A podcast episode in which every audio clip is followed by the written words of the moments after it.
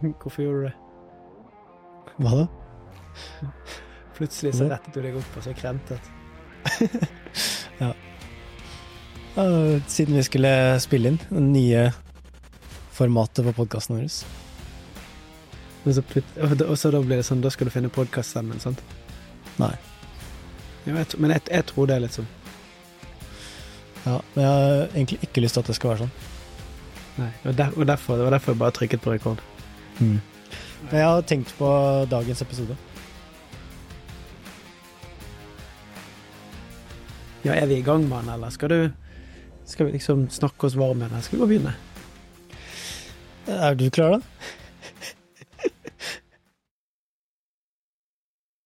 Ja, jeg, altså, jeg, jeg tror jo det. Jeg tror det er egentlig bare å komme i gang. Ha disse samtalene her og Bare begynne å prate. Det er ikke sikkert mm. vi skal ta med det vi har gjort til nå. Jeg tror, jeg tror ikke vi skal ta med den, akkurat den introen her, altså. Men det er noe med å ikke Altså, et, et, det er noe med å bare, bare la praten gå. Vi, er, vi, er så, vi, vi får en sånn podkaststemme, og så har vi noen vanvittig kule innsikter når vi Med en gang vi legger på. Mm. Så bare, bare begynn, du, hvis du har Ja, men jeg har jo tenkt på hva den episoden her skal hete, fordi at det her er jo andre gangen vi har hatt en runde med liksom Ok, hvordan står det til med podkasten vår? Og så var det for litt siden når vi snakka sammen om eh, ja, litt hva vi har lyst til, da. Hva er det vi egentlig vil? Og jeg kjenner i hvert fall at eh, jeg har sykt lyst til å gå enda mer i dybden, snakke enda lenger enn de episodene som vi har hatt til nå. Vi har hatt ti minutter-podkasten litt over et år, halvannet år eller noe. Og så hadde vi en liten eh, Ja, og så hadde vi en liten pause rundt eh, åtte episoder. Da bare kjørte vi på i et banka kjør, og så hadde vi et langt opphold. Og, og det var litt sånn fordi at vi ville bare finne litt ut av å lytte til eh, hva er det vi egentlig gjør, er det her rett, er det her det vi virkelig vil? Og da gjorde vi en liten eh, justering, og så kjørte vi på igjen. Og så har jeg så merka at det har gått trått igjen, da. Og jeg tror jo det at alltid når det stopper opp litt i energien vår, sånn jeg kjenner oss, så er det fordi at det er et eller annet som mangler, da. Og nå kjente jeg at nå er tida inne, i hvert fall for min del. Jeg hadde jeg har lyst til å kalle denne episoden her for transformasjon. Fordi at jeg føler at vi er nå klare for å ta det her til et nytt nivå. Og ikke bare sånn 'Å ja, det blir så fett', og nytt nivå, next level, men jeg har lyst til at vi skal få fram mer av det vi gjør, og dem vi er. Eh, Fordi at jeg ser i hvert fall det for min del, jeg kan jo snakke det for min del. Altså, jeg har jobba med personlig utvikling og det her i ti år. Jeg har reist landet rundt, holdt foredrag, jeg har coacha masse mennesker, jeg har hjulpet mange, men av en eller annen grunn så kommer det liksom ikke fram. Og i hvert fall det jeg kjenner, da, det er at jeg har lyst til å få fram mer av det vi gjør og dem vi er, og få fram flere av de historiene og hvordan vi egentlig jobber. At ikke det bare er vi som skal sitte her, og nå skal du høre på oss, og nå skal du få råd, og nå skal du få verktøy, men også litt de der gode historiene, da, som jeg føler vi kan virkelig komme inn i hvis vi gjør om formatet litt. Og det var det jeg skrev til deg, at jeg har lyst til å bare gjøre om hele greia. Mm. Det er en tanke jeg får eh, når, du, når du snakker nå. Det er jo at når, når, når de som sitter og hører på episoden akkurat nå, og har hørt på timinutteren, de kan jo potensielt bli litt sånn skuffet. Jeg kjente at jeg ble litt sånn opptatt av at det er jo noen vi har servet med å lage korte episoder, og så er det noen som har ønsket lengre og litt dypere. Hvordan, hva tenker du om det? Hvordan kjenner du at du forholder deg til at det, det kan være en del av de lytterne våre som nå ser at episoden varer i 60 minutter, eller så lenge som den kommer til å vare, og så skrur de av? Mm. Nei, jeg tenker at uh, det er helt ok. Og det er veldig synd hvis det skjer, for vi har jo lyst til å hjelpe så mange som mulig, men det jeg kjenner, altså Vi jobber jo hardt mentality. Vi skal lytte til hjertet, og når jeg lytter til hjertet, så så er det ikke nødvendigvis alltid sånn at det er da jeg tenker på hvordan kan jeg få andre til å like meg, som er det som styrer måten jeg skaper ting på, da. Men jeg vil at det skal være en ja, check-in på hva er det som er ekte for oss, hva er det vi virkelig vil. Og det jeg kjenner, er at ja, det kan være at noen syns at det tidformatet er supert, og det holder i massevis, perfekt når du skal i en liten lomme i løpet av dagen. Men når jeg tenker på hva som er ekte for meg, og tenker på er jeg, hvordan er det jeg bruker podkastformatet, for jeg har hørt på podkast i mange, mange år, og jeg er sånn om en episode er fem minutter eller to timer, da, for meg så har egentlig ikke det så mye å si, fordi at det er innholdet i de episodene som fenger meg, da, og som treffer meg. Og jeg merker det at selv om jeg føler at jeg har lite tid en dag, i anførselstegn, så hvis det er en episode som virkelig treffer meg, så kan jeg høre på den i to timer. Da lager jeg plass til den, og istedenfor å da bokse inn et format, sånn som vi har gjort her i podkasten med ti minutter, så har jeg heller lyst til at episodene skal få lov til å utfolde seg på den måten som gjør at de får fram det de vil, da. At vi får fram det vi føler at vi har lyst til å mm. få fram. Og det, jeg kjenner i hvert fall at jeg føler ikke at jeg klarer det i så stor grad på ti minutter. For når vi har de timinuttesepisodene, og vi skal liksom ok, og nei, nå må vi begynne å lande det poenget, nå må vi begynne å lande den historien der, for at da treffer vi timinuttersmarken. Og jeg kjente at jeg, jeg blir sånn lei det, fordi at uh, det går imot uh, den tingen jeg har lyst til å skape, da. Mm.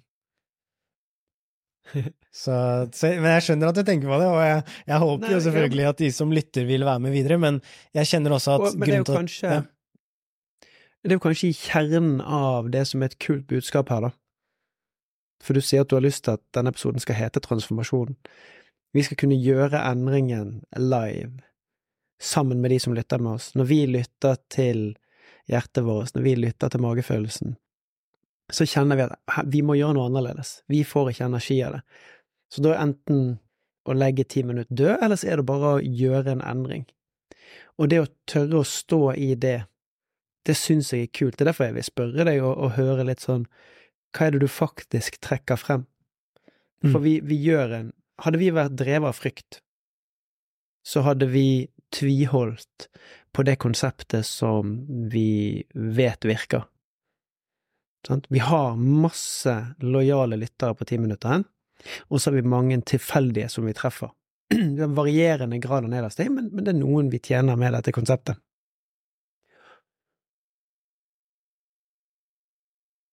Unnskyld, bare en liten mutet uh, kremte. Og, og det er jo det jeg tenker er det kule med det. Altså, vi tør faktisk å invitere inn eh, til å utvide formatet. Til å si at ok, hvis du, lik, hvis du liker det vi kommer med, og de budskapene som vi tar med oss, måten vi forteller historier, måten vi kobler inn faget på, ja, så bli med oss på de lengre episodene òg. Trykk bare på pause, og så plukker du det opp igjen neste gang du har anledning. Vi har veldig lyst til å ha deg med. Ja, det ja. I, I denne transformasjonen. Ja, og så samtidig så har vi lyst til å ikke bare snakke om det og følge hjertet, men uh, gjøre det i praksis òg. Ikke bare skyve under teppet og nei, nei, men nå må vi bare pushe gjennom fordi det er det som er rett. Altså, det er viktig med disiplin, men jeg kjenner også den derre skapetrangen, da. Den derre lysten til mm. å dele, lysten til å få ut flere budskap, gå i dybden, få de derre ærlige, ekte, deilige samtalene som vi har når vi snakker sammen. Når du er ute og går med Billy, og vi har liksom en time som vi snakker sammen, og bare det er så mye fett da, som uh, dukker opp, og som vi snakker om, og som vi gjør, og som vi skaper, og det, det har jeg bare så lyst til å få fram mer av, fordi at jeg mm. føler ikke at vi har skrapt overflaten engang når vi har hatt de timinuttersepisodene, og det her er nøye tenkt igjennom, og vi kunne bare skrota den podkasten her og sagt at ja, nå starter vi bare en ny en, men jeg liker litt at vi stopper opp underveis, og så gjør vi de justeringene, for det betyr at vi vokser. Og når vi vokser og lytter til hjertet vårt, så, så gjør vi de justeringene som er naturlige for oss, da, og måten som, i hvert fall, du har jo vært med du òg, selvfølgelig, men måten jeg kjenner at det her virkelig vokser for meg, det er fordi at jeg også har drømt om hva ønsker jeg å skape framover, hva ønsker jeg å gi til verden.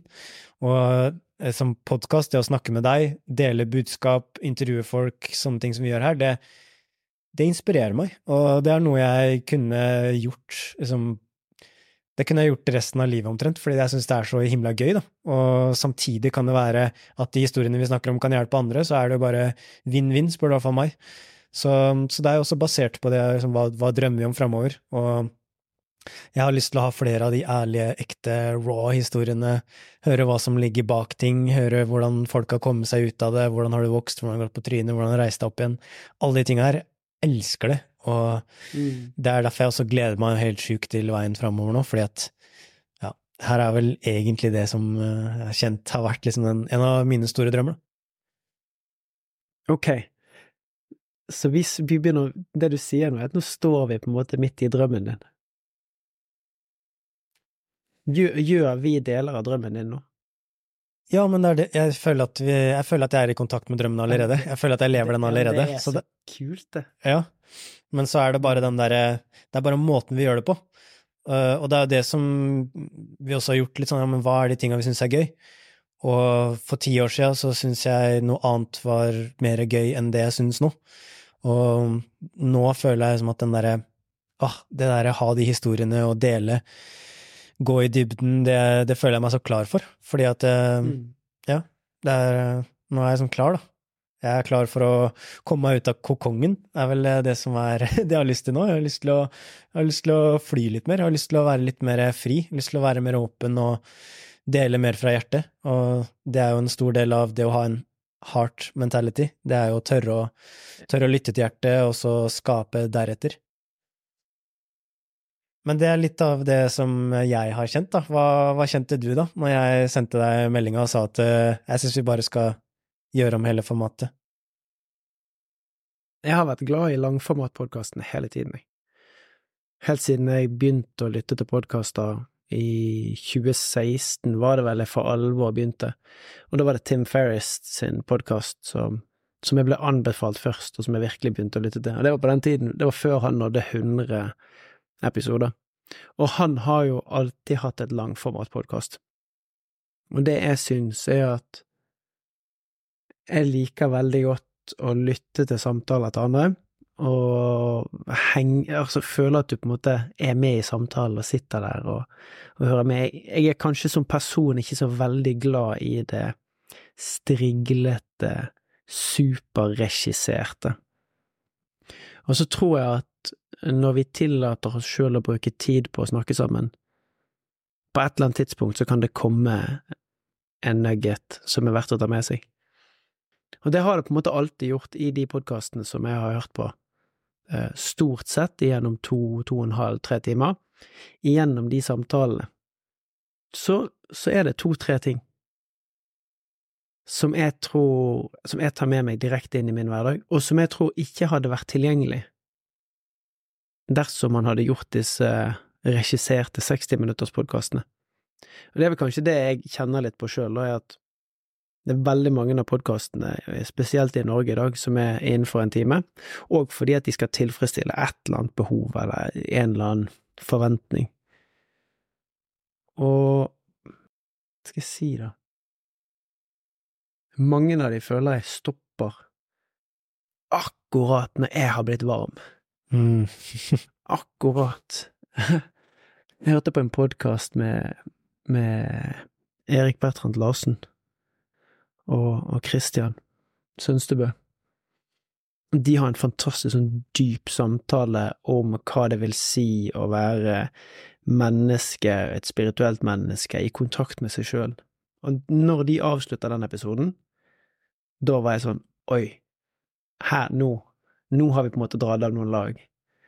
Eh, og det, det, ble på en måte det var, det var, rundt samme periode du sa skal skal vi utvide vårt format. Så jeg sa ja, det skal vi. Um, men så tror jeg helt oppriktig at vi har en del Vi har en del samtaler som kan være med på å flytte perspektiver for oss, men òg for de som lytter på.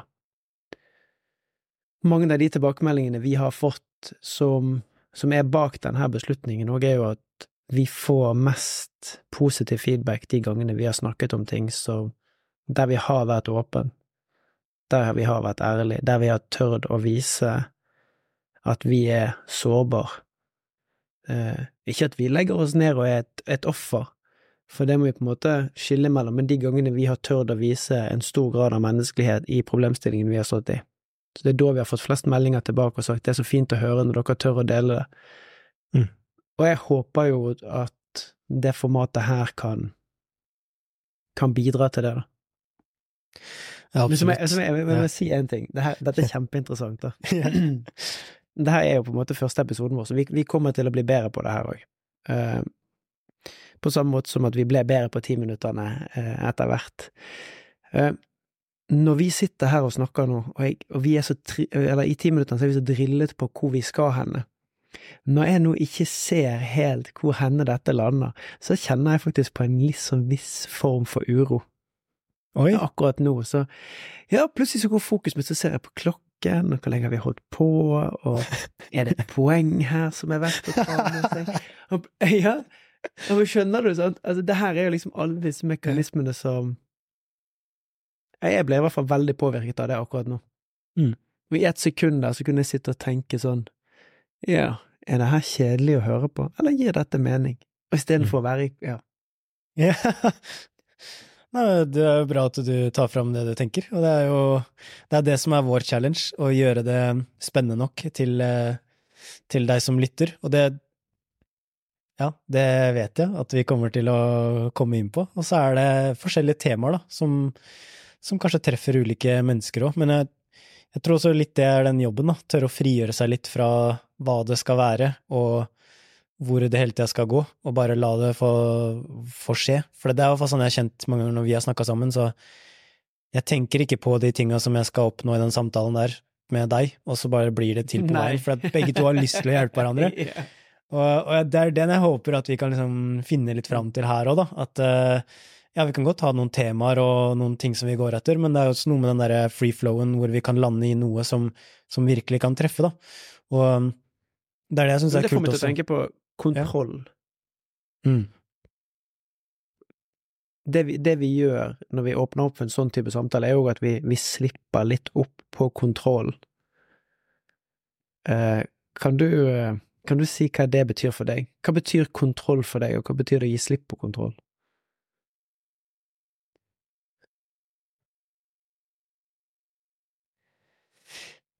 Nå frøys du litt, gidder du bare si det en gang til? Nei, jeg sa det at hva betyr kontroll for deg, og hva betyr det å gi slipp på kontroll? Hmm. Altså, kontroll for meg, det handler mye om å vite, å være trygg. Det jeg går inn i, hvis jeg har gjort noe før, og jeg vet at jeg skal gjøre det igjen. Det er mye lettere for meg å ha kontroll over den situasjonen her, for jeg vet hva jeg skal gjøre, hvor jeg skal ha fokus, og hvordan jeg skal gå fram. Og det er jo godt å ha trygghet, fordi at da vet jeg. Det er litt sånn som å være på, på grunt vann. Det, det er ikke så mye som, som skjer der. Men det å slippe kontroll handler jo Ja, det handler jo om å tørre å altså, gå inn i situasjoner hvor du kanskje ikke har kontroll, for eksempel det her. Helt nytt format, vi har ikke sagt hva det skal være, eller preppa noe særlig før denne episoden her. Men det å tørre å åpne opp for at, vet du hva, det er greit, jeg har ikke 100% kontroll over det som skjer, men jeg er åpen. Jeg er villig til å gå inn i noe uten å vite hvor det skal lande, hva det skal være. Og og, og tørre å stole på det, da, uten å føle at du må ha liksom, spisse alle historiene, alle eksemplene, alle verktøyene som, som, du skal prate om fra start, men eh, stole på at eh, vet du hva, vi kommer inn på ting som kommer til å være juicy allikevel. Da. Og, og det handler jo litt om å stole på uh, at ting skjer, og ikke bare prøve å styre de tinga som skjer. Og for meg så handler jo det om å ja, tillit, stole på andre. Det er jo en form for tillit, en form for kjærlighet, som handler jo også om noe som er veldig fra hjertet, da. Og det å tørre å gi den tilliten til andre, det er jo også noe som kan ja, hjelpe deg med å slippe å føle at du må ha kontroll hele tida, men du kan også ha andre som kan være med å hjelpe deg, da. Mm. Så det er flere dimensjoner av det, men jeg tenker sånn kontroll, da tenker jeg jo det er fint, eh, og så kan det også være begrensende. Begge deler, Men liksom. finn, finn, går det egentlig an å ha kontroll? Det er det jeg mener. Det er et godt spørsmål. Der jeg ville. Ja. Altså, hva vil det si å, å ha kontroll over noe? Hva vil det si å ville kontrollere noe? Mm. Jeg, jeg tror at det er en av de tingene som vi er villige til å gi slipp på nå, fordi at vi, i hvert fall for min del, er såpass bevisste. Men samtidig så er jo kontroll er på mange måter en illusjon, for vi kontrollerer jo egentlig ikke de neste begivenhetene uansett.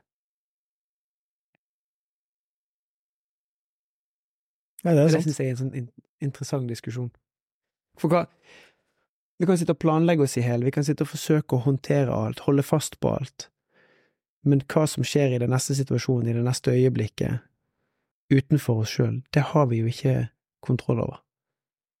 Og det å være ok med det, og det å kjenne at det er greit å gi slipp på det, det tror jo jeg er en av de de store triksene i ludo, da. ja. ja, men det er jo ofte da man får innsikt òg, da. Altså, jeg har fått innsikt som eh, ikke var planlagt, eller som jeg ikke visste at jeg kom til å få når jeg har turt å bare, jeg vet hva. Jeg vet ikke, men jeg er åpen for at det kan komme, jeg er åpen for at eh, ting kan skje, og, og så dukker det opp. Og jeg tror at det også handler om å ikke prøve å styre alt hele tida, da. Jeg kjenner jo det at hvis jeg prøver å styre ting, så da gjør jeg ofte de samme tinga, eller jeg gjør det jeg er god på.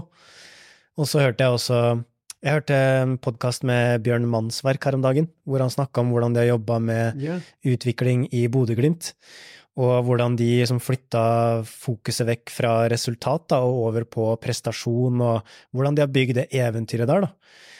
Og så snakka han om det at det han jobba mye med sine utøvere, da, det var å normalisere det å være utenfor komfortsonen.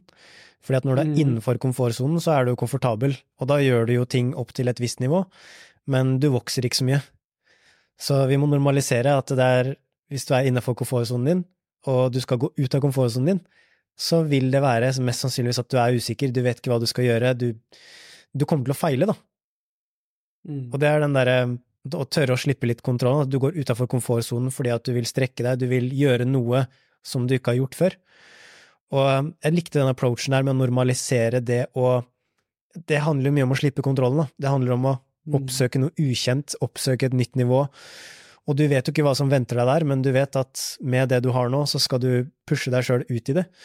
Og da handler det ikke om at eh, ja, du, du trenger ikke å vite hva som skjer der, men i det øyeblikket du gir slipp og du er villig til å utfordre deg sjøl og gå inn i det, det er først da du også får effekten av det.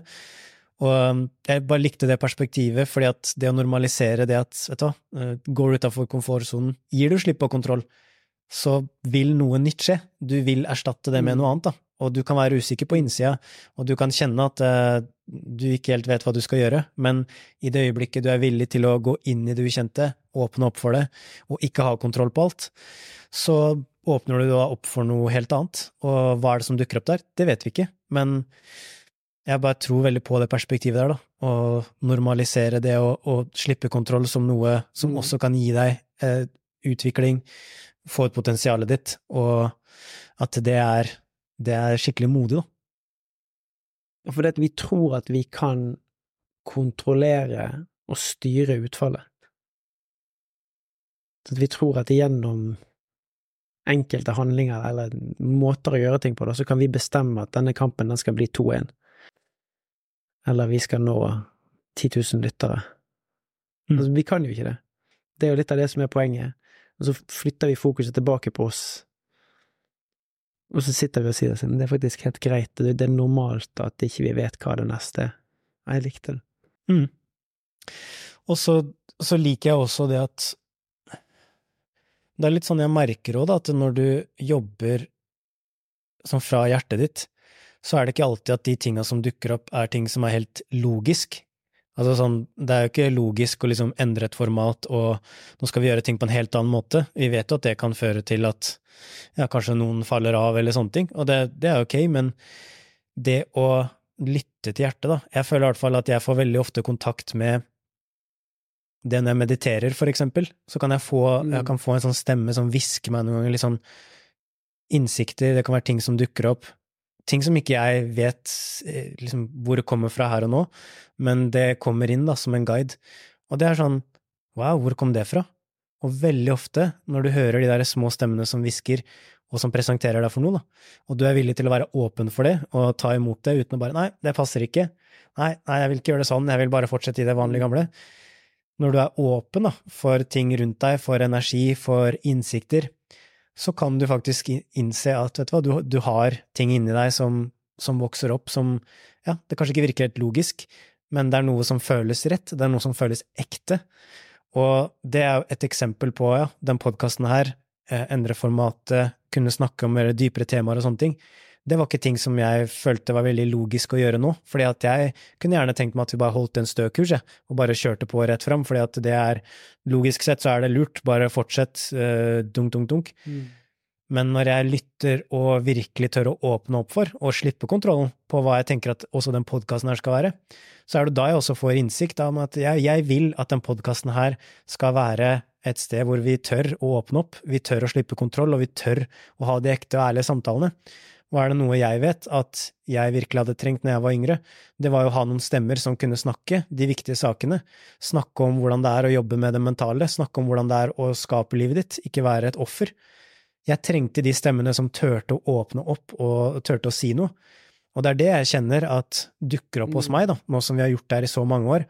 Jeg er så lei av å bare holde ting for meg sjøl og vite alle de tingene her, ha all den kunnskapen her, og så vet jeg hvordan det kan hjelpe noen, jeg vet hvordan det kan serve andre mennesker, da, og så har jeg så lyst til å utfordre meg sjøl, har lyst til å gå utenfor min komfortsone, til å virkelig pushe på å få det her ut, få ut så, så, mye bra kunnskap som mulig som kan hjelpe noen, og som kan gi de følelsen av at fy fader, jeg, jeg kan deale med ting i livet mitt. Jeg trenger ikke å mm. bare gi opp, jeg trenger ikke å kjenne meg håpløs, fordi det er faktisk ting jeg kan gjøre for å få det bedre, for å leve et godt liv. Og det er det jeg kjenner som dukker opp, ja, spesielt hvis jeg mediterer og virkelig lytter til den stemmen i hodet nå, så hva er det du er klar for, da? Og kanskje du som lytter og har hatt en sånn stemme som hvisker til deg liksom, du burde egentlig gjort litt sånn her, bare sånn, hæ? Skulle jeg, mhm. Skulle jeg, skulle jeg gjort noe helt annet? Skulle jeg slutta den jobben? Skulle jeg gjort det? Så jeg bare sånn herre, nei, men det er jo ikke logisk, og så kobler vi på hodet vårt, og da kommer vi ofte litt sånn ut, og det er derfor vi, vi heter jo ikke head mentality. Vi sier jo ikke nå skal du virkelig bruke hodet ditt til å få innsikt, vi sier jo følg hjertet ditt, lytt, gå innover og, og hør hva er det som egentlig er der. Og det er ikke enkelt, men det er en sånn sanne ting som jeg har sett da gjennom livet mitt nå de siste åra, at når jeg guider etter det, så blir jeg presentert for muligheter, for mennesker, for ting mm. og opplevelser i livet mitt som føles så sjukt bra i forhold til det å tviholde fast og ha den kontrollen, som du sa i stad, på ting som ja, men det høres så lurt ut, ja, men det er jo sånn alle andre sier at man bør gjøre, og så videre og så videre. Så, så det er litt uh, sånne ting også som jeg kjenner at nå er jeg, så, jeg er så lei av å bare ja, holde meg nede, da, fordi at jeg liksom tenker at vi skal være på en bestemt måte, eller jeg er bare så klar da, for å få budskapet ut i verden, og fader, ass, er, eh, nå er det på tide.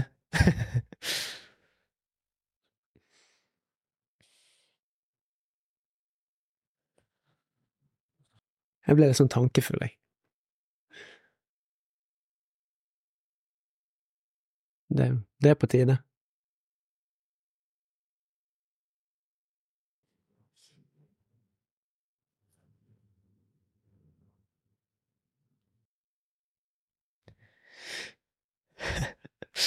ja, det, det, er det jeg liksom kjenner på, at uh, jeg føler liksom at jeg har vært litt sånn inni en boks, da. Jeg tror jeg ofte, litt for ofte, tenker litt på shit, hva kommer andre til å tenke om det her? Men så ser jeg, når jeg bare gir fullstendig F og bare deler, og tør å åpne hjertet mm. mitt og bare ja, tør å dele, da, så, så skjer det ting. Og det føles bra. Altså, jeg blir glad av å skape. Jeg blir glad av å føle at jeg fikk en idé som jeg følte var noe som var ekte for meg, og så få den ut i verden igjen, liksom. Enten i form av en podkast eller noe vi lager i Heart Mentality-appen, eller deler på sosiale medier, eller Altså, jeg ble så sjukt inspirert av uh, måten du skrev boka di på, blant annet. Jeg bare Fy fader, så fett det var å være med deg på den reisen her. Og nå skriver jeg jo bok sjøl, og jeg kjenner hvordan det bare jeg bare syns det er så forbanna gøy, da, å gjøre de tinga her, og, og, skape, og bare kjenne at med liksom hjertet i bånd, det er virkelig for at jeg vil at noen andre skal få en kunnskap og en opplevelse av at de kan få et bedre liv. Eh, så, så blir det også gøy. Hva er det, du, hva er det du får mest feedback på at treffer folk når du, når du kommuniserer, enten via eh, foredrag, veiledning, på sosiale medier? Mm. På foredrag så får jeg ofte den tilbakemeldingen om at jeg er veldig ekte. Jeg tør å ta folk med på mine indre tanker og følelser, hvordan ting faktisk var, og pleier ofte å dele hvordan jeg gikk skikkelig på trynet og opplevde å være skikkelig nede, og så jobbe med å snu det igjen. Men jeg føler ofte at den, altså den veien ned i dritten har vært en stor del av å forstå hvorfor jeg kan hjelpe dem in the first place, men også at de er ikke alene, da. Fordi at det var noe som jeg merka før, at jeg turte ikke å snakke om ting jeg syntes var vanskelig, for jeg følte meg så alene. Alle lever jo det fantastiske livet her, men hva med meg?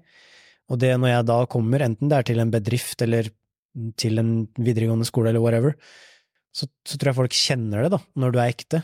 Altså de Fordi det er liksom Jeg snakker bare om noe jeg sjøl har opplevd. Jeg driver ikke og prakker de på liksom 'Å, dere må gjøre sånn her', men det er mer en sånn 'Det her opplevde jeg'. Fy fader, det var vanskelig. Og jeg visste ikke hva jeg skulle gjøre.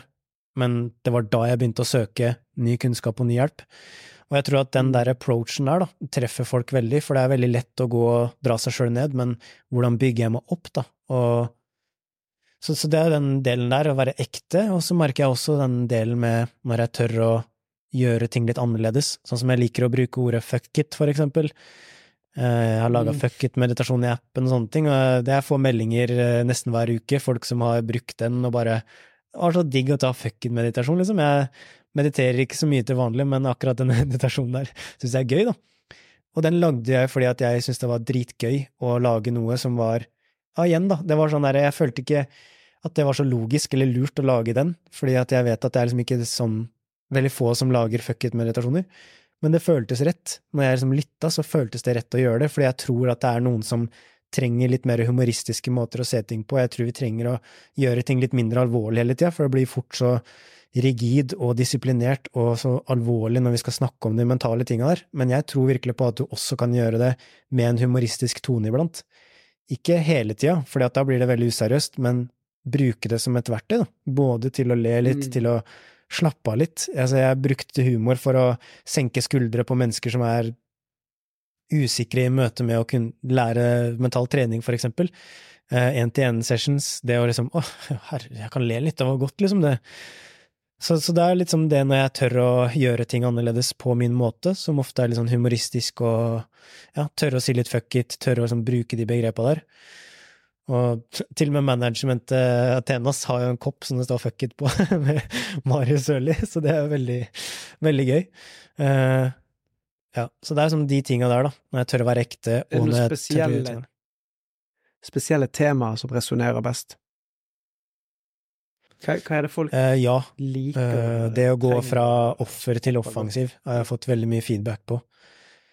Så um, spesielt Jeg ble intervjua til eh, podkasten til eh, Nette Dragland på Leger om livet, og Anniken Binds, blant annet. Og etter at jeg var der på de podkastene, så fikk jeg veldig mange meldinger fra folk som hørte om det skiftet, da, at jeg var veldig i en offerrolle.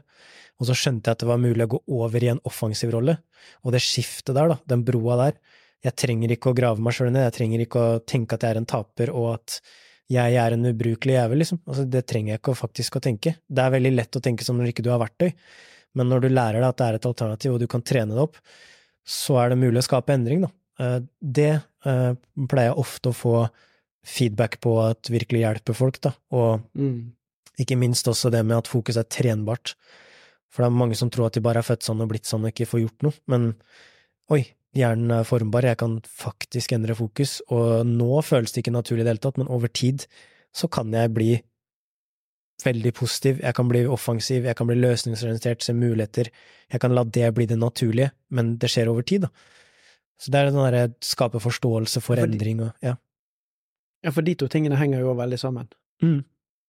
Altså, hvis fokuset er på å lete etter bevis på at du får lov til å være et offer, så vil jo du se på deg sjøl som et offer. Mm. Men hvis fokuset ditt er på hvorfor skal jeg være offensiv, og hva fordeler har jeg? Ja, og det, det var Det er kanskje det folk Det er kanskje det som er liksom spennende. Grunnen til at jeg spør, er jo fordi at Hva er det, hva er det som resonnerer? Hva er det folk trenger? Hva, hva er det du ser på som den største selvfølgeligheten i ditt liv, i din kommunikasjon, men der du har gjort et skifte, som i dag er helt naturlig, men, men som for veldig mange ikke er det?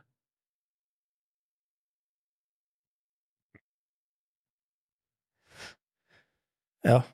Var det et nytt spørsmål, eller var det bare Nei, jeg oppsummerer litt. Jeg ble sittende og tenke. For det, du kan jo tenke at man er fastlåst i et mønster.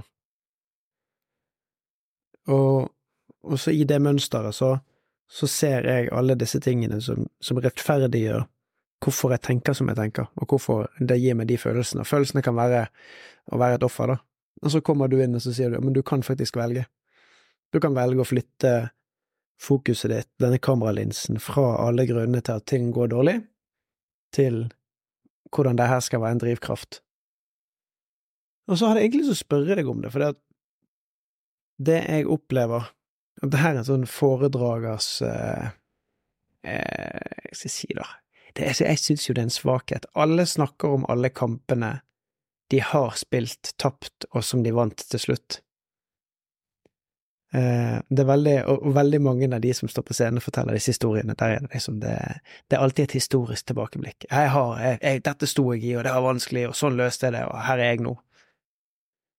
Og så vet jo jeg at når, når de står og forteller den historien, så står de egentlig midt i en annen historie, men den tør de ikke fortelle før de har mestret den.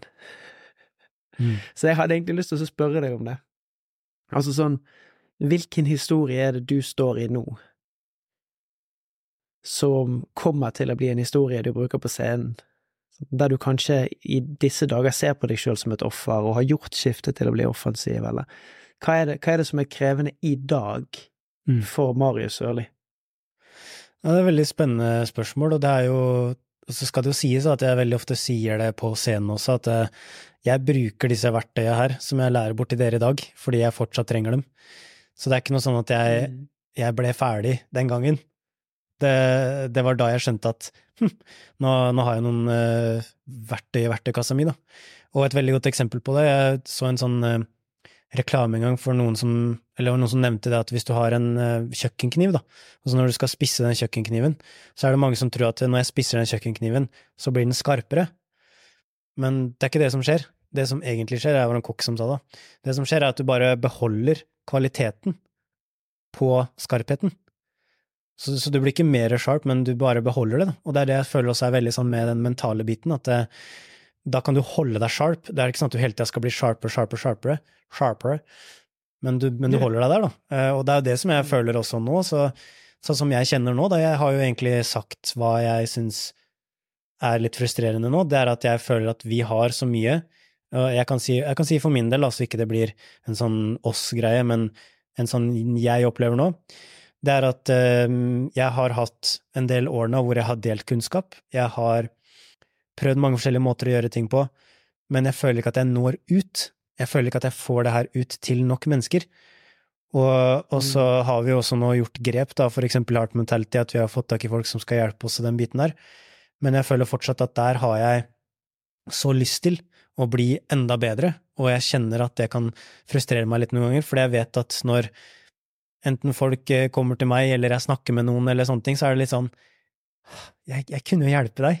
Altså, Mm. Jeg, jeg, vet hva du trenger å gjøre, og, og jeg vet hvordan du, du, du, kan gå fram, og så bare og så det, er, så det, er, det jeg kjenner at jeg har et stort mission om. Da. Jeg har lyst til at flere skal finne kunnskapen, ta i bruk kunnskapen og vokse og bli sterkere, men akkurat nå så føler jeg ikke at jeg klarer det på den måten som er i tråd med sånn jeg vil. Da. Jeg har lyst til å få det her ut i enda større skala, få ut budskapet mitt til enda flere, kommunisere det tydeligere, skape mer forståelse. Og det er noe jeg kan kjenne på at jeg noen ganger blir frustrert over, for jeg har så lyst, og så føler jeg ikke at de resultatene som jeg vil ha, kommer, selv om jeg ser liksom at det er en gradvis vekst, men det er så mye igjen der, da. Og det er kanskje det jeg kjenner nå med også den podkasten her, at jeg er så lei av å bare drive og prøve å finne ut av ting. Fordi at det er det jeg egentlig har innsett de siste tre–fire åra nå, at det jeg kan, og det jeg har, det er godt nok. Jeg trenger bare å få det ut der til flere, så, så flere kan lære seg det. Jeg, jeg driver ikke hele tida og søker etter nye og bedre strategier, fordi at jeg har så mange strategier og ting som jeg allerede kan, som funker, og som jeg har allerede hjulpet folk med. Og så er det det som jeg Det er det jeg kan liksom tenke på veldig ofte, sånn Lurer på liksom, hvordan kunne jeg liksom fått til det enda bedre? Altså, hvordan kunne jeg, jeg Jeg bruker ofte mye mental kapasitet på å lete etter det, da. Og da, og da kan jeg jo kjenne på det, at eh, at jeg noen ganger kan bli litt sånn åh, fader, ass. Ja, men jeg vet jo egentlig at det er bra, men jeg får det liksom ikke ut sånn som jeg vil. Og det er den historien jeg har lyst til å fortelle om, om ti år senere, om hvordan jeg eh, gjorde et skifte eh, i desember 2023 og bare sa fuck it. Jeg brukte mine egne strategier, og så bare kjørte jeg på og ga gass med teamet mitt, med meg sjøl, og bare bygde en heft... Ja. Så så det er, det er, sånne ting jeg kjenner på nå som jeg syns er, eh, er, litt krevende. Men eh, annet, det var litt spennende, da, fordi for noen år tilbake så var det jo blant annet kjærligheten som jeg syntes var vanskelig. Og altså, så før jeg fikk eh, kjærligheten på plass, så hadde jeg jo sletta Tinder for tredje gang, og jeg følte at jeg hadde så mange bra ting i livet mitt. Jeg levde drømmen, reiste, holdt foredrag, gjorde alle de tingene her, men jeg mestra ikke kjærligheten, for eksempel. Og det husker jeg syntes var krevende. Husker jeg fikk den der tvilen på ja, faen, skal jeg aldri skal jeg aldri bli noen dame på meg, da? Altså, som jeg har mm. du og Anja og Gro og liksom masse folk rundt meg som har flotte forhold og ja, så fint, og, og så bare faen, når, når, skal jeg liksom finne kjærligheten? Jeg hadde ikke peiling.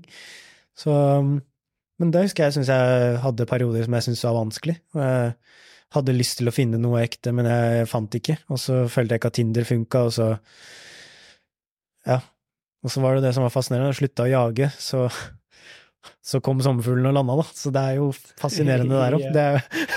ja, men og der, vi, og der, er vi, tilbake til det der med Altså, jeg, jeg, leser jo det inn i kontroll.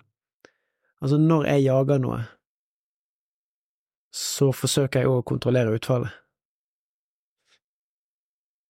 Og i det øyeblikket vi tør å gi slipp på utfallet, tør å gi slipp på at jeg, jeg, jeg, kan ikke kontrollere alt, jeg kan ikke holde i alt, jeg kan ikke forstå alt, jeg kan ikke gjøre alt, jeg kan ikke bestemme alt. Og i det øyeblikket du gir slipp på det, av og til så skjer de tingene som skal skje da, og de gangene de ikke skjer, så er det fordi at vi tviholder på det. Mm. Det syns jeg er et fint eksempel med det du sier med kjærligheten der. Mm. Ja, så, og det er så sykt fascinerende, fordi det er jo litt sånn når jeg ser tilbake, da, så er det sånn ja, jeg hadde jo gjort ting annerledes med den kunnskapen jeg har i dag, og så er det det jeg syns er så fantastisk med å stoppe opp og reflektere over noe som du gjorde som ikke funka, fordi at eh, jeg gjorde jo det beste ut ifra det jeg kunne der og da, og når du vet bedre, så kan du gjøre det bedre, og det er jo det som er mm. mye av kjernen i det jeg lærte når jeg var langt nede og ja, følte at ting var skikkelig dritt, så trengte jeg å høre at vet du hva, du har gjort ditt beste, du, og det som har skjedd framover, det har ikke skjedd ennå, og der kan du, det kan du forme, der kan du skape. Så så det er det som er så nydelig, og det er det som jeg også håper at vi også kan snakke mer om i denne podkasten her. Hvordan kan du ja, deale med ting i livet ditt, og hvordan kan du se ting på en måte som hjelper deg, og som gjør at du kan vokse, og ikke på en måte som gjør at du fortsetter å dra deg sjøl ned og tenke at du ikke kan, fordi at det er det største bullshitet vi har blitt mata med noensinne. Fordi vi kan gjøre så mm. utrolig mye om vi bare lærer oss de strategiene. Altså, Altså, hvor rå du kunne blitt på å strikke, hadde du tatt et strikkekurs intensiv i seks måneder med tante Olga, liksom? Altså, du hadde jo blitt helt rå. Oh. Hva tenkte jeg det? Så, og det er som den kunnskapen her, da, som jeg kjenner er Ja, den hjalp meg så sykt mye når jeg var på et lavt punkt i livet, og den hjelper meg fortsatt en dag i dag med å skape og vokse og ja, mm, noen nye nivåer i livet, og ha det bra også her og nå, som også har vært en kunst å mestre. At uh, ting er ikke alltid noe jeg skal jage der framme, men det er også ting jeg skal oppdage her og nå. Og det er jo også en ting som jeg har jobba kjempemye med, og som jeg noen ganger også må minne meg sjøl på at øy, bro, du, husk at du også lever drømmen, husk at du også gjør det her. Mm. Det kan være sånn ja, hvis jeg har holdt mange foredrag, plutselig så føler jeg at ting går på repeat, så hvis jeg da skal holde et nytt foredrag, så er det bare sånn fy fader, så heldig jeg er som får den muligheten her. Fader, det her drømte jeg om for sju år siden. Da, da drømte mm. jeg om det her, og nå, nå, får jeg muligheten. Og, og, det er sånn Det er det skiftet der, da. Det er hvor jeg styrer min kameralinse. Det er jo også det som jeg har så lyst til at flere skal forstå, da. At det er ikke noe du, som vi som er her, er spesielt utvalgte mennesker som har lært. Det er bare noe vi har trent og lært gjennom kunnskap. Og det er derfor jeg er glad for at vi kan gi kunnskapen videre her. Mm. Den der er viktig, altså. Mm. Spesielt det du sier der med at vi, vi blir Vi er ikke bevisst de problemene vi har lært oss å mestre, eller vi ble vant til den tingen vi har oppnådd, og gleden, gleden av å gjøre det første gangen, den forsvinner ganske kjapt. Mm. Og det å tørre å minne oss sjøl på at det, dette var det For ti år siden hadde jeg fortalt deg at du kom til å gjøre dette, så hadde du boblet over på innsiden. Og så er det kanskje motsetningen i det, da. For de som hører det her og, og kjenner at ja, men sånn er det ikke for meg. Når jeg ser rundt meg, så tenker jeg at det var ikke dette jeg så for meg for fem år siden og for ti år siden, og det her er verre enn hva jeg hadde ønsket meg. Da er det bare å dra i det berømte håndbrekket, og så begynne å lytte til det som er på innsiden, og gjøre endringen. Mm. Enten hardt og brutalt eller sakte, men sikkert. Jeg tror det er noe av det jeg sånn helt oppriktig brenner for, at vi skal, vi skal få ut, og at alt er mulig, all endring er mulig. Hvert eneste øyeblikk vi sitter her og snakker om det, sitter og tenker på det. Det er så mye Folk har det så vondt fordi at vi er fanget i Det ene er det økonomiske systemet. Vi er fanget i huslån, studielån, billån, i det etablerte, at vi tør ikke å bryte ut av det som ikke virker. Jeg er på en måte ikke bekymret for de rundt oss som som av og til kjeder seg fordi at de sitter i drømmejobben og skulle ønske at noe var annerledes. Jeg er mer bekymret for de som, som står opp hver dag og liksom ikke har denne gnisten og har det håpet eller har denne meningen i hverdagen. Jeg synes Gary Vaynerchuk, det datt et bilde fra han inn på telefonen min i går kveld, og han sier vi er nødt til å redefinere hva suksess betyr. I 2024 så er vi nødt til å redefinere, det betyr at du våkner opp om morgenen og så er du glad. Punktum, liksom. Det er det jeg har så sinnssykt lyst til, at vi skal bruke alle de verktøyene som vi har, alle de tingene som vi står for, som vi lever og som vi formidler, det at folk faktisk bare skal stå på morgenen og være glad. Det syns jeg er viktig. Mm. Åh, ja, nå gleder jeg meg enda mer. Det her er deilig å høre at du sier, og jeg er i hvert fall klar til å bare gi alt for å få til det. Og så Ja, kan du ikke fortelle litt hva du gjør om dagen, da? Du driver jo og spiller inn, gjør du ikke det? Ja, jeg gjør, jeg gjør masse forskjellige ting om dagen. Eh, den ene tingen jeg gjør, er at jeg driver og gjør boken om til lydbok. Der har det vært noen litt sånn interessante beslutninger, fordi at jeg fikk forespørsel om jeg hadde lyst til å lage den med en som var profesjonell eh, Hva heter det? Taledubber Ja. en, som- en, en som bruker stemmen sin profesjonelt, da. Mm. Og det ble jo veldig pent eh, når vi fikk demoen, men det ble ikke med den sjel og passion som som jeg har skrevet boken i, og det sa vel du òg, at det her det, det er greit nok det at du er bergenser, og at kanskje noen ikke vil synes at det å høre din stemme på lydbok er det beste, men vi, vi måtte ha deg med i den her nå. Så det er noe som jeg jobber med, Uh, og det er faktisk utrolig mye arbeid. Uh, der ble jeg litt sånn tatt uh, Jeg ble litt overrasket. Altså, bare det er én av fire sider i Ja. boken. Hvor lang tid tar det? Eller ikke én av fire sider. To til tre minutter. Så å, spille inn, da To, Bare forordet tok nesten fire minutter. Ja. Så jeg, der må jeg, må gi meg sjøl en god dose med tålmodighet eh, for å Jeg må rigge det på en måte, jeg må bli litt sånn kjent med hvordan skal jeg gjøre dette. Eh, og så merker jeg at måten jeg bruker pusten på, jeg blir veldig sånn selvbevisst når jeg skal lage lydbok, og det er helt stille, så smatter jeg nå. Trekker jeg pusten.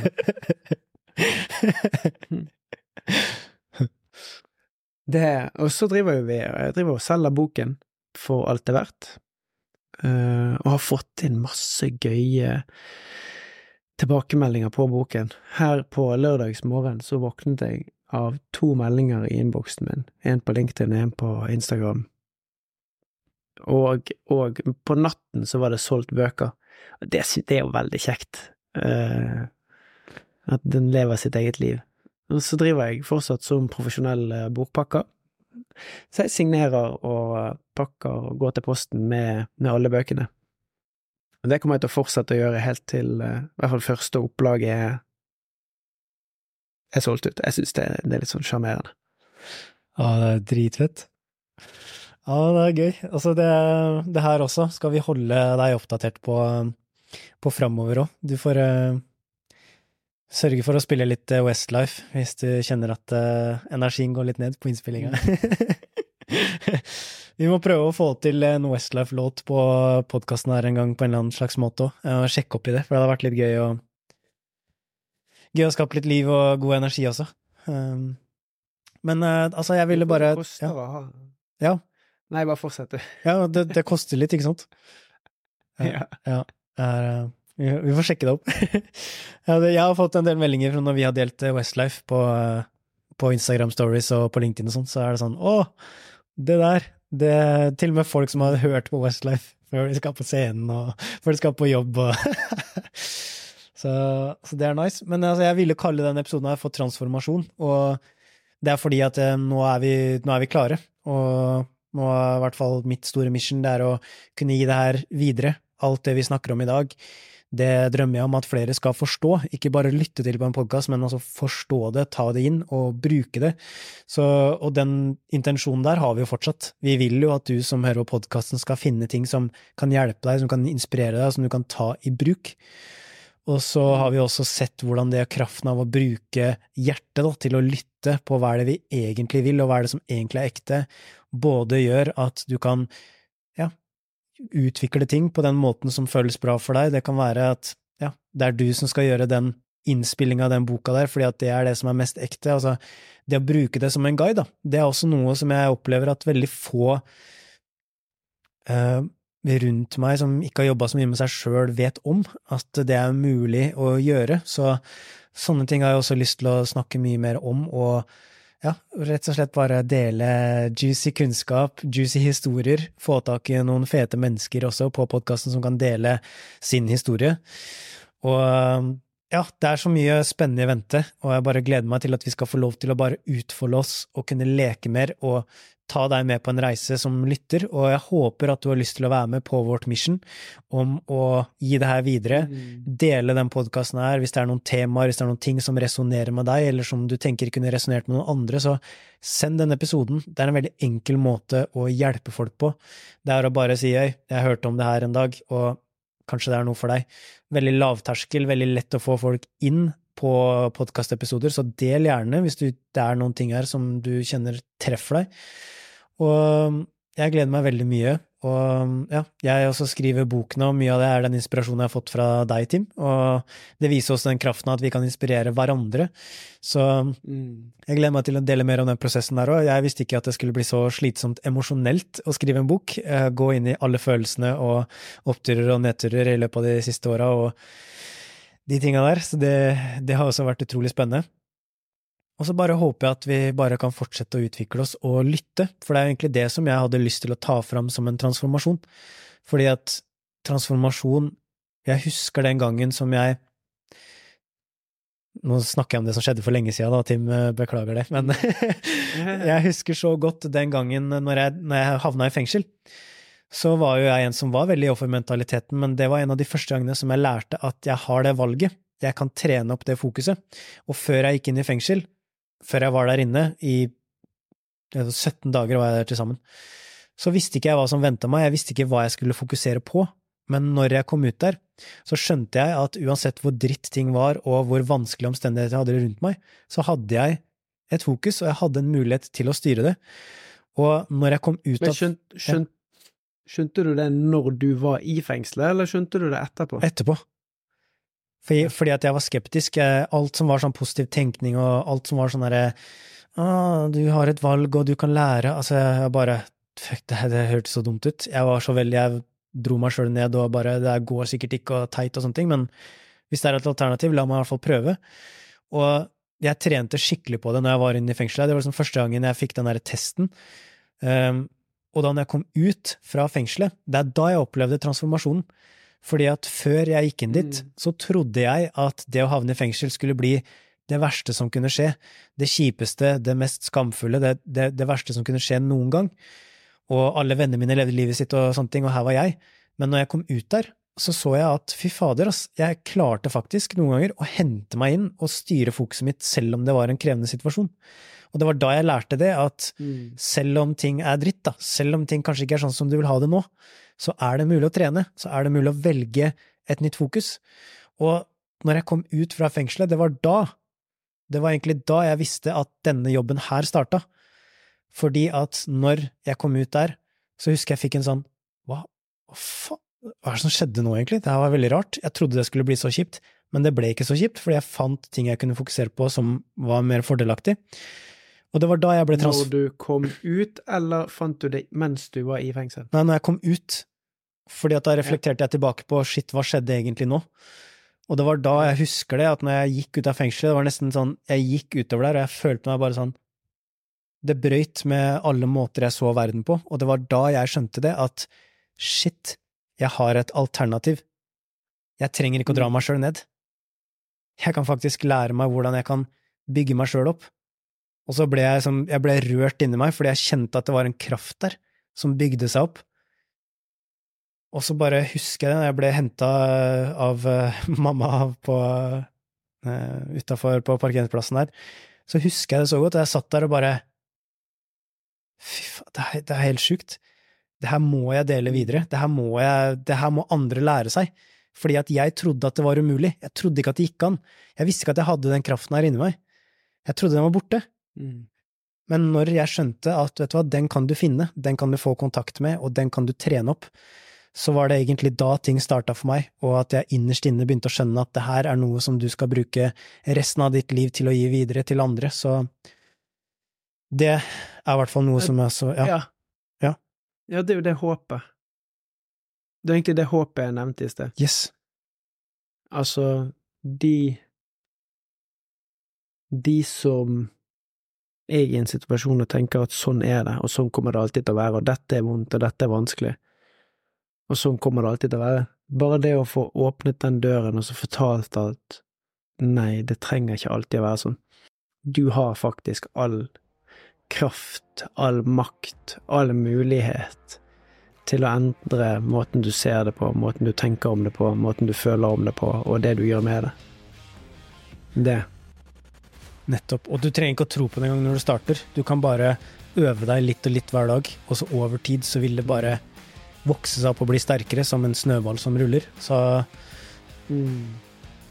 takk for at du lytta på denne episoden her. Hvis du var med helt hit, så vil jeg bare si fett. Eh, tusen takk. Og, og vil også gjerne invitere deg videre også. Um, hva syns du, Tim? Hvordan syns du det var å være litt mer ukontrollert, holdt jeg får si?